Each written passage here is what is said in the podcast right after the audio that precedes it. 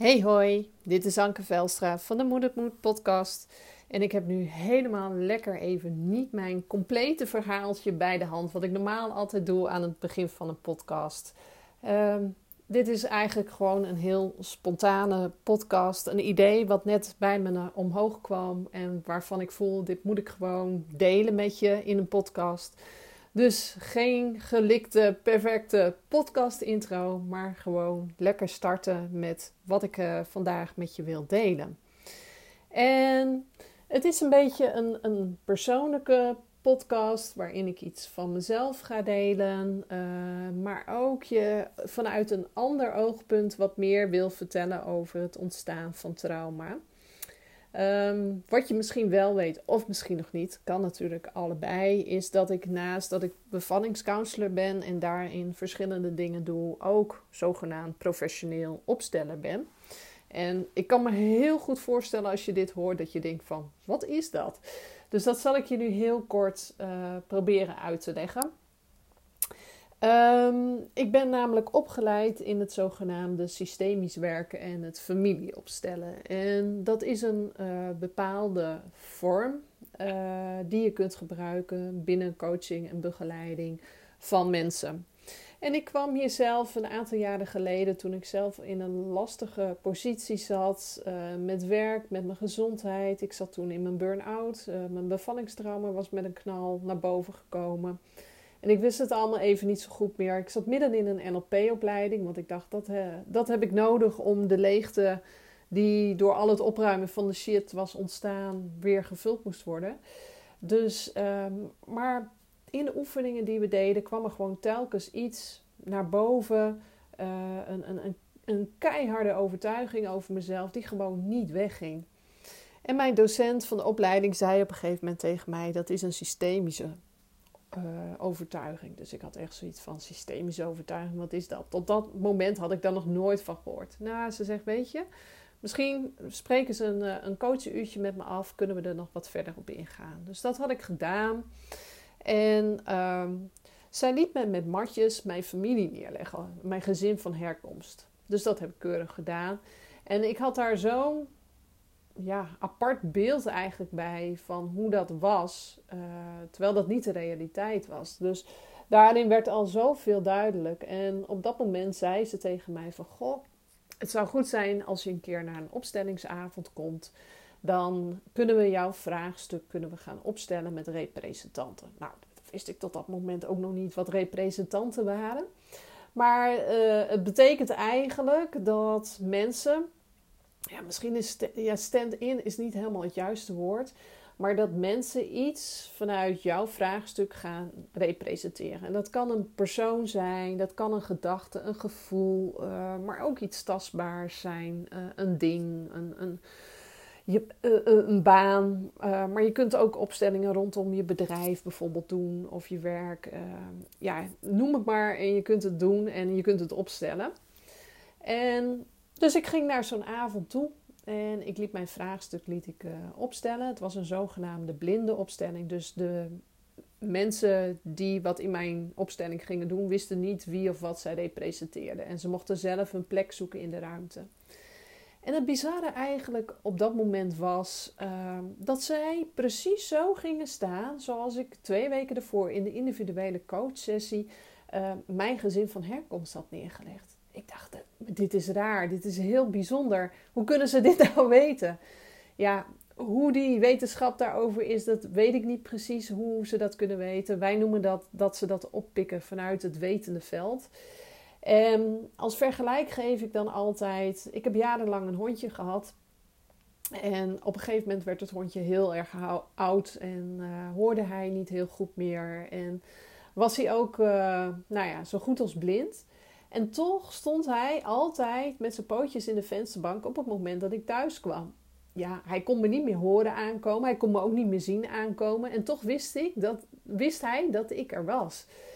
Uh, dus kennelijk heeft hij dat ergens opgepikt. Er zijn ook wel allerlei uh, theorieën over, ook wel wetenschappelijk onderbouwde onderzoeken daarover. Er zijn boeken over geschreven. Mocht je dat willen weten, stuur me dan gerust een mailtje, dan kan ik je dat uh, doorgeven, die titels. En zo werkt het eigenlijk met een opstelling ook. Dus ergens pikken zij toch iets op uit het wetende veld waardoor zij zo gingen staan. En deze op, opstelling maakte echt enorm veel in mij los. enorm veel emoties. Ik, ik, heb enorm zitten huilen tijdens de opstelling. Uh, maar het werd me ook duidelijk wat ik te doen had om deze uh, overtuiging op te ruimen. En dat was uh, mijn vader gaan opzoeken, die ik al echt heel erg lang niet had gezien. En dat was wat ik heb gedaan. Een paar dagen later zaten we samen ergens te eten en hebben we heel mooi gesproken. En ontdekte ik een heel groot stuk van mezelf in hem, waar ik me eerder nooit zo van bewust was geweest. Dus het was eigenlijk ontzettend helend. En vanaf dat moment voelde ik ook ja, dat er bij mezelf van binnen iets op gang was gebracht. Iets heel bijzonders. Mensen noemen wel eens het stroomt van binnen of zo. Nou, ik denk dat dat gevoel was. En gek genoeg, die overtuiging heb ik daarna eigenlijk helemaal geen last meer van gehad. En op dat moment was eigenlijk de liefde voor het systemisch werkend opstellen geboren. Ik had echt zoiets van: oh, als dit zulke effecten kan hebben, hoe mooi zou het zijn als ik dat ook zou kunnen leren en anderen daar ook mee zou kunnen helpen. Nou ja, goed, je voelt hem al aankomen. Ik schreef mijn name NLP-opleiding ook voor de basisopleiding systemisch werken in. En niet alleen voor de basisopleiding, ook nog voor de masteropleiding. Ik deed ze namelijk gelijktijdig. Uh, want er was nog een opleiding daarna die ik ook heel graag wilde volgen. Maar daar moest ik beide opleidingen voor hebben, de basis en de master. Uh, dus nou ja, dan doen we dat toch geluk, uh, gewoon tegelijk. En gelukkig kon dat en mocht ik dat doen. En ja, die opleiding, natuurlijk leer je heel veel professionele dingen die je hè, in je werk kunt toepassen. Maar het was tegelijkertijd ook een heel persoonlijk ontwikkelproces. Um, ik heb zelf nog een aantal vraagstukken kunnen opstellen. Ook eentje bijvoorbeeld over de kinderwens die er wel was. En op een gegeven moment was ik ook zo ver dat ik, dat ik er echt in mijn hoofd in, al, tegen alles ja tegen kon zeggen, vanuit alles. Ehm, en tegelijkertijd de stap niet durfde te zetten. Dus dat was uh, ook in mijn opleidingen, die hebben we opgesteld. En toen werd me zo duidelijk wat ik nog te doen had, waardoor ik de stap kon zetten en bizar genoeg gewoon drie weken later zwanger was. Um, maar goed, dat was weer even een zijspoortje. Dus ik ben die opleiding gaan doen. Uh, ja, ik heb ook in heel veel opstellingen en vraagstukken voor andere mensen gestaan. Voor mensen uit mijn opleiding, voor mensen die van buiten wel eens kwamen. En het was iedere keer gewoon weer een heel bijzonder proces om mee te maken. Om te ervaren hoe jij dingen kan voelen van iemand anders. Of ja. En soms was dat heel klein, maar soms ook wel heel groot. Ik heb één keer het gevoel gehad in een opstelling alsof mijn keel echt helemaal dichtgeknepen werd. En dat was best wel beangstigend. Alleen ik wist, het was niet voor mij en het gebeurt niet op dit moment. En toch voelde ik het. En later bleek dus ook dat uh, degene van wie ik in het vraagstuk stond, uh, uh, ooit daar een ervaring mee had gehad dat haar keel dichtgeknepen werd. Dus dat was zo bijzonder dat ik dat op dat moment voelde, zonder dat ik wist dat dit ooit bij haar was gebeurd. Um, nou ja, goed, uiteindelijk ben ik dus de derde opleiding ingestroomd, de opleiding tot professioneel opsteller. Um, want naast het hele persoonlijke en professionele proces uh, ging ik hierin nog verder de diepte in om te leren hoe ik zelf opstellingen kan begeleiden voor anderen. Uh, hoe ik mezelf uh, kan neerzetten als een goede opsteller. Hoe ik ervoor kan zorgen dat ik ja, eigenlijk alles wat ik van een ander hoor niet aan mezelf blijft plakken, zeg maar, maar als het ware door me heen kan gaan. En wij noemen dat in het opstellen dat je zelf als opsteller een holle riet bent. Dus dat alles er doorheen kan stromen zonder dat het aan jezelf of aan trauma's of dingen van jezelf die je hebt meegemaakt blijft plakken. En natuurlijk als opsteller hou je een bepaalde, uh, noemen we systemische sensitiviteit. En dat betekent eigenlijk dat uh, thema's waar jij zelf mee hebt te maken gehad in jouw leven, uh, trek je ook vaak weer aan. En bij mij is het thema moeder is een heel groot uh, thema geweest tijdens mijn hele ontwikkeling, tijdens deze opleidingen. tijdens mijn hele leven misschien wel. En ja, nou ja, wat doe ik? Ik werk met moeders. ja, zo gaan die dingen dan. Dus, maar het is wel in, in zoverre dat de thema's van jou, zeg maar, niet meer aan mij thema's blijven plakken. Hè? In zoverre is dat al ontwikkeld. En dat is gewoon heel belangrijk, uh, hoe dan ook.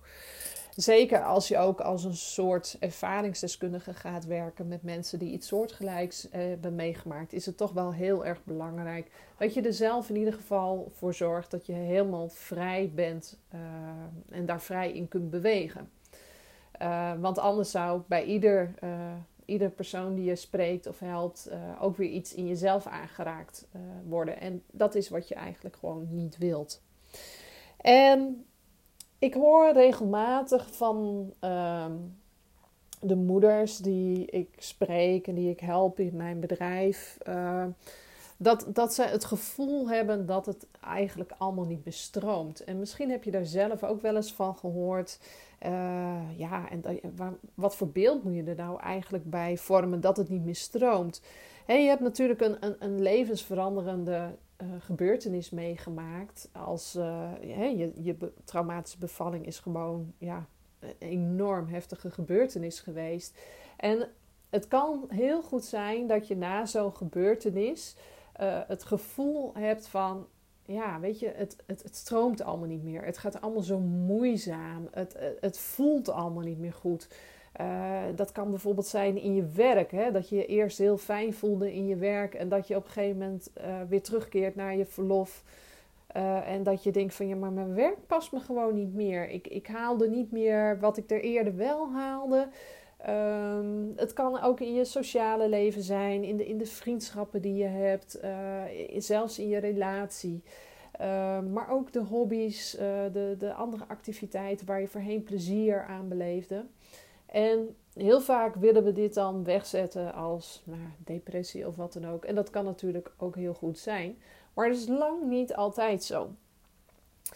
En vanuit een systemisch oogpunt kijken wij daar toch ook wel weer heel anders naar. En uh, het leek me wel heel mooi om daar iets over te vertellen vandaag. Daar heb ik natuurlijk ook wat aantekeningen over gemaakt. Want ja, Anders dan vertel ik niet wat ik heel graag wil vertellen. Uh, dus ja, dan schrijf ik het gewoon even op. Maar niet dat ik alles ga voorlezen, maar meer als een soort geheugensteuntjes.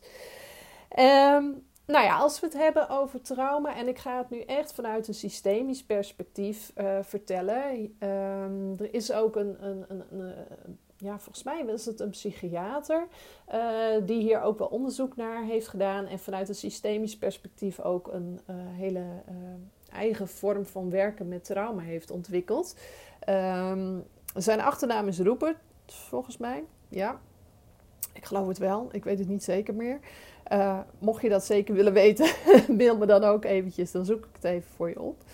En hij uh, heeft... Uh, hoe hij naar trauma kijkt vanuit een systemisch perspectief... vind ik gewoon wel heel mooi om met je te delen. Want het is weer een andere invalshoek. En als we het hebben over trauma, hebben we het over een situatie die gewoon zo enorm schokkend voor je is geweest. Uh, waarin je misschien voor jouw uh, leven hebt moeten vrezen, of voor het leven van je kindje, of misschien wel voor jullie beiden. En in zo'n situatie voel je echt enorm veel angst, hulpeloosheid en onmacht. En als wij vanuit een systemisch perspectief daarnaar kijken, zien we dat op zo'n moment eigenlijk de psyche zich afsplitst.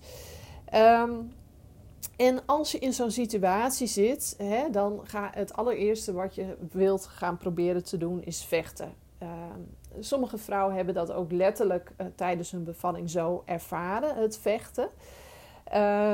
Hè, ze, ze, hebben misschien van zich afgetrapt. Uh, sommige vrouwen die bijten, uh, schelden, vloeken, tieren, razen. Het zijn allemaal uitingen van die vechtrespons die omhoog komt.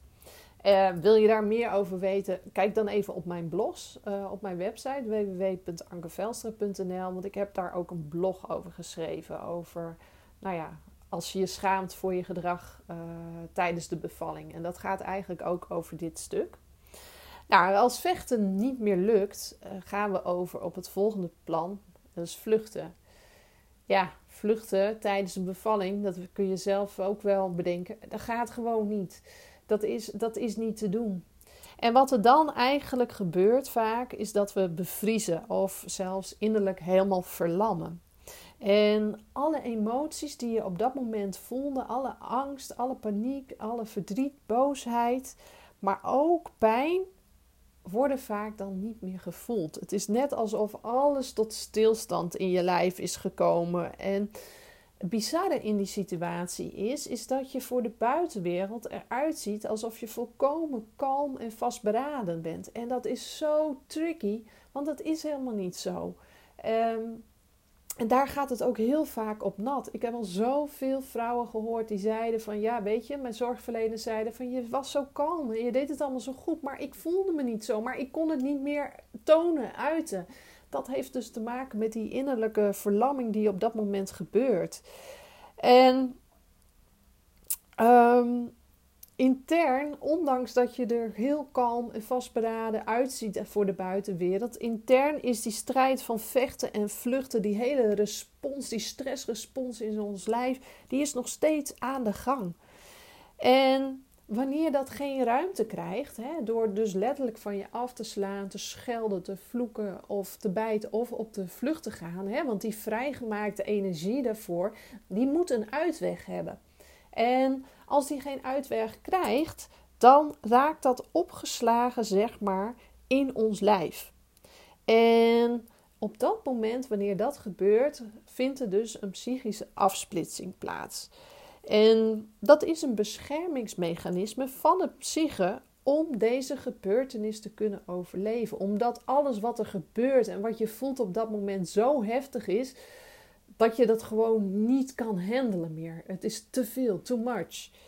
En die afsplitsing de gaat eigenlijk als volgt. Uh, er ontstaat een traumadeel. Dat is het, zeg maar het deel waar al die heftige gevoelens, uh, emoties die je op dat moment hebt ervaren, uh, die zitten daarin opgeslagen.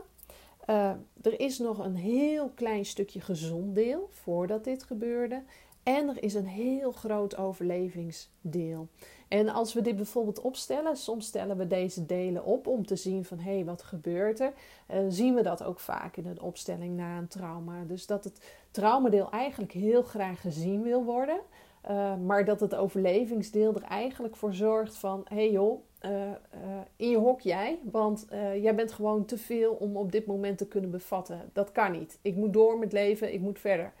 En ook het gezonde deel zien we vaak als heel klein. Soms gaat bijvoorbeeld de representant voor het gezonde deel ook zitten. Uh, doet eigenlijk helemaal niks meer, omdat het gewoon niet meer weet. En het overlevingsdeel is vaak heel groot en aanwezig en laat zien van uh, ik regel het allemaal wel eventjes.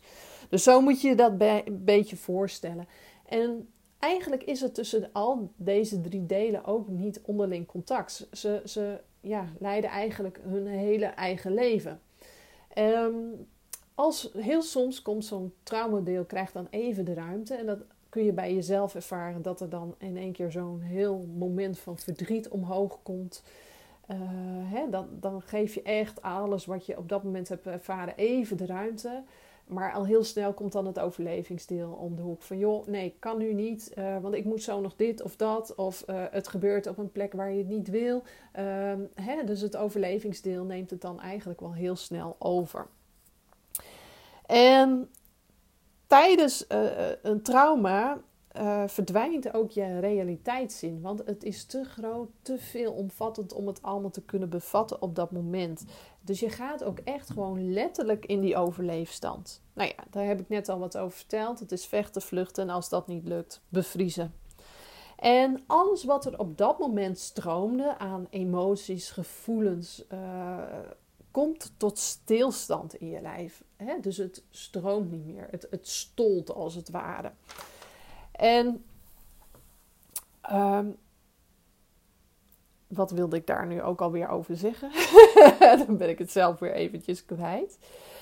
Het, eh, het komt tot stilstand en het overlevingsdeel neemt het op dat moment helemaal over. Maar ook na de bevalling in de periode daarna blijft die overleefstand blijft actief. En uh, het traumedeel krijgt eigenlijk geen ruimte en het gezonde deel ook bijna niet. Hè? Uh, het is echt het overlevingsmechanisme wat zegt van ja, ik moet gewoon verder, hoe dan ook. Uh, ja. En daardoor, doordat die delen zijn afgesplitst, maar ook doordat bijvoorbeeld het gezonde deel ehm, heel erg klein is geworden, ontstaat er een, zeg maar, een soort leegte in je ziel.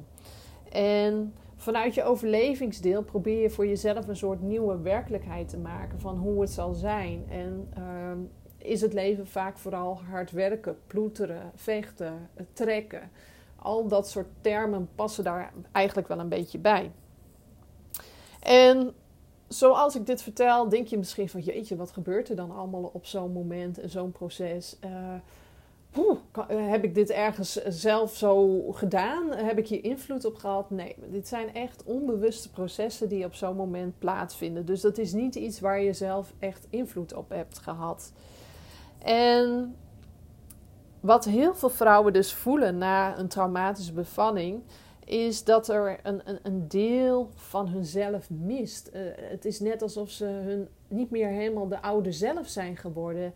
Ze zijn iets kwijtgeraakt wat voor hen heel dierbaar was, uh, maar kunnen het niet precies vatten wat het dan precies is. Het is een soort sparkle of zo. Ja, noem het maar. En dat komt dus eigenlijk doordat dat gezonde deel, wat juist enorm veel levensenergie en levenskracht bevat, veel kleiner is geworden. En het overlevingsdeel eigenlijk heel groot is geworden.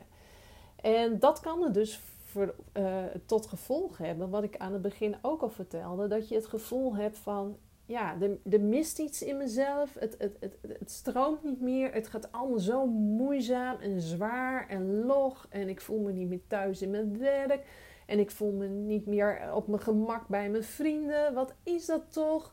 Het voelt allemaal gewoon echt heel zwaar en heel anders dan hoe het was.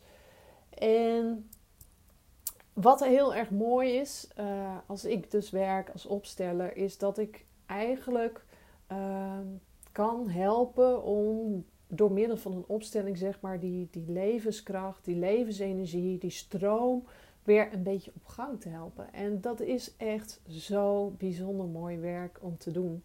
Ja, daar raak ik helemaal vervuld van.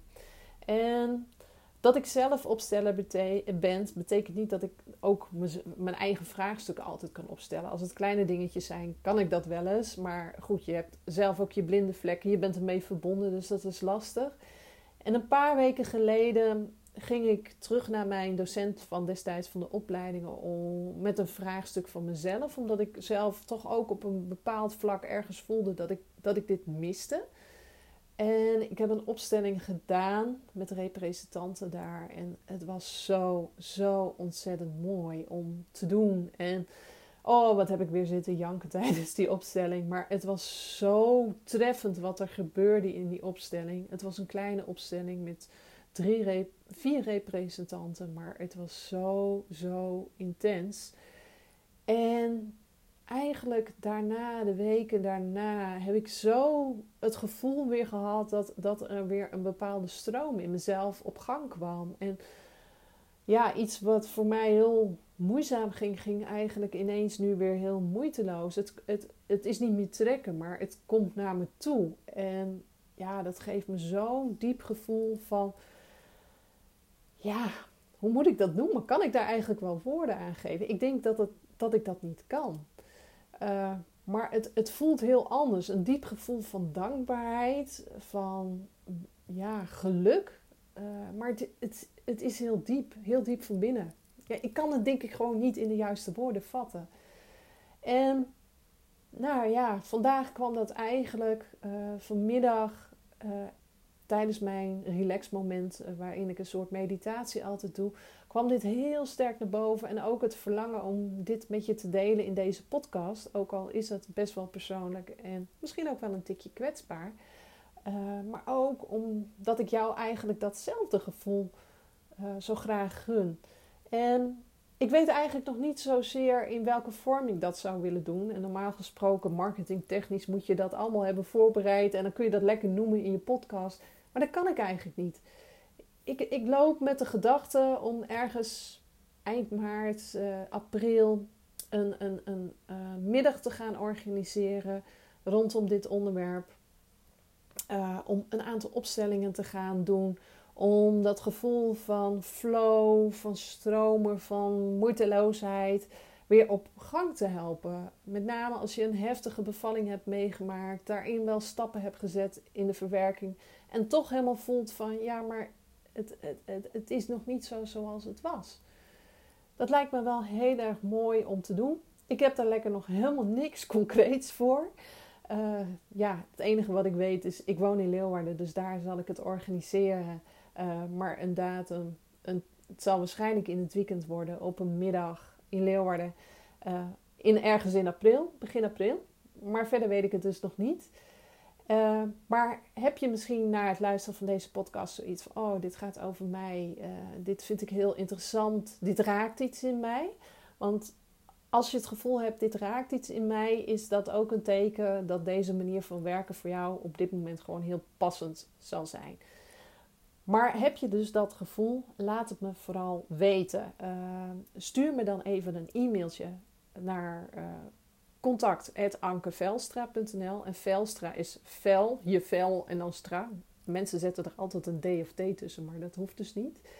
En um, dan zet ik je op een uh, interesselijst. En als ik een groepje bij elkaar krijg met interesse, dan uh, ga ik je mailen en dan ga ik de, de middag organiseren. En waarom zeg ik een groepje?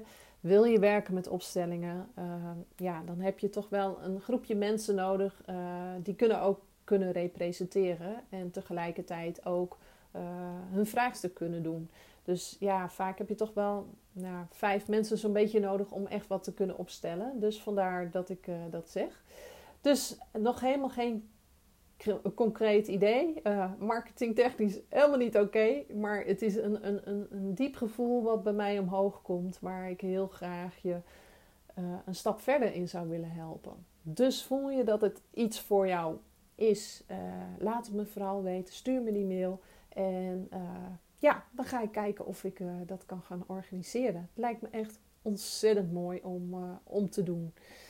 En het bijzondere eigenlijk is van zo'n opstellingsmiddag, hè, er is niet altijd tijd en ruimte om alle vraagstukken op dat moment te beantwoorden. Um, maar het, het, het krachtige eigenlijk aan deze manier van werken is ook al is niet je eigen vraagstuk behandeld, dan nog kan het een enorm effect ook op jou hebben als je in het vraagstuk van een ander hebt gestaan. Want je wordt nooit zomaar gekozen voor een bepaald persoon of een bepaalde positie ergens in.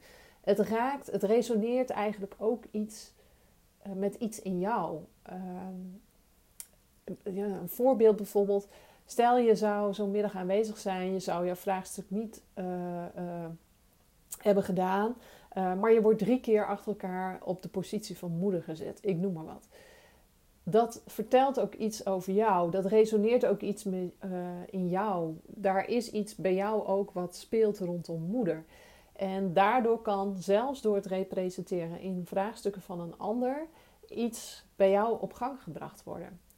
En dan moet je niet de verwachting hebben uh, dat dat gelijk een heel groot effect heeft. Ja, sommige mensen voelen direct wel een stukje opluchting of een, een verandering daarin. Maar dat is niet bij iedereen zo. Het is ja, eigenlijk een, een representatie van een intern proces, een opstelling. Uh, maar als je het eenmaal hebt gezien en gevoeld en ervaren hebt, uh, vanaf dat moment is het dan ook niet meer hetzelfde. Het is anders van dat moment. En dan zul je zien dat je de situaties gaat herkennen in je leven en daar ook op een andere manier mee om kunt gaan. En dat gaat eigenlijk als een soort van vanzelf. En soms gaat dat heel snel. Ik merkte de eerste effecten na een week. Maar soms duurt het ook een paar weken. En dat is allemaal helemaal prima. Dat betekent niet dat de opstelling goed of fout was. Maar het is, ja, het is een proces wat op gang gebracht wordt. En een verschuiving eigenlijk ook in het proces. Dus niet zozeer een, ja, een, een pasklaar antwoord op je vraag. Maar een verschuiving in je eigen proces. Dus nou ja, dat is eigenlijk uh, wat me heel erg leuk zou lijken om te gaan organiseren. En uh, waar ik je nu gewoon heel spontaan in deze podcast over vertel. Uh, en ja, laat me vooral weten als dit wat met je deed en als je het interessant vond en als je daar mogelijk iets mee zou willen doen.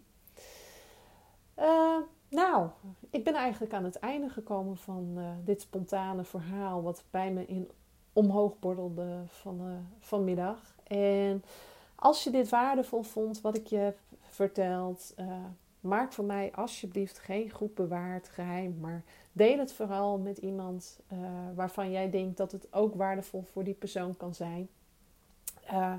Ja, dat zorgt er voor mij voor dat mijn podcast nog beter beluisterd wordt. en dat ik meer mensen daarin kan bereiken met de dingen die ik zeg, vertel, doe, deel. en ja, dat vind ik gewoon heel erg fijn. Dus maak geen goed bewaard geheim van mij, maar deel het vooral. Nou, uh, ja, en delen als, wat ook nog wel leuk is. Misschien als je naar deze podcast hebt geluisterd en je hebt er een inzicht in gehad. Deel het ook ergens op Instagram of in je stories. Uh, tag me erin. Zou ik ook heel erg leuk vinden. En dan, ja, dan reageer ik daar weer op. Superleuk. Bedankt voor het luisteren. Uh, zeker als je helemaal tot het einde hebt geluisterd. Dat vind ik toch super tof dat je dat hebt gedaan. En heel graag tot de volgende podcast. Oké, doei doei!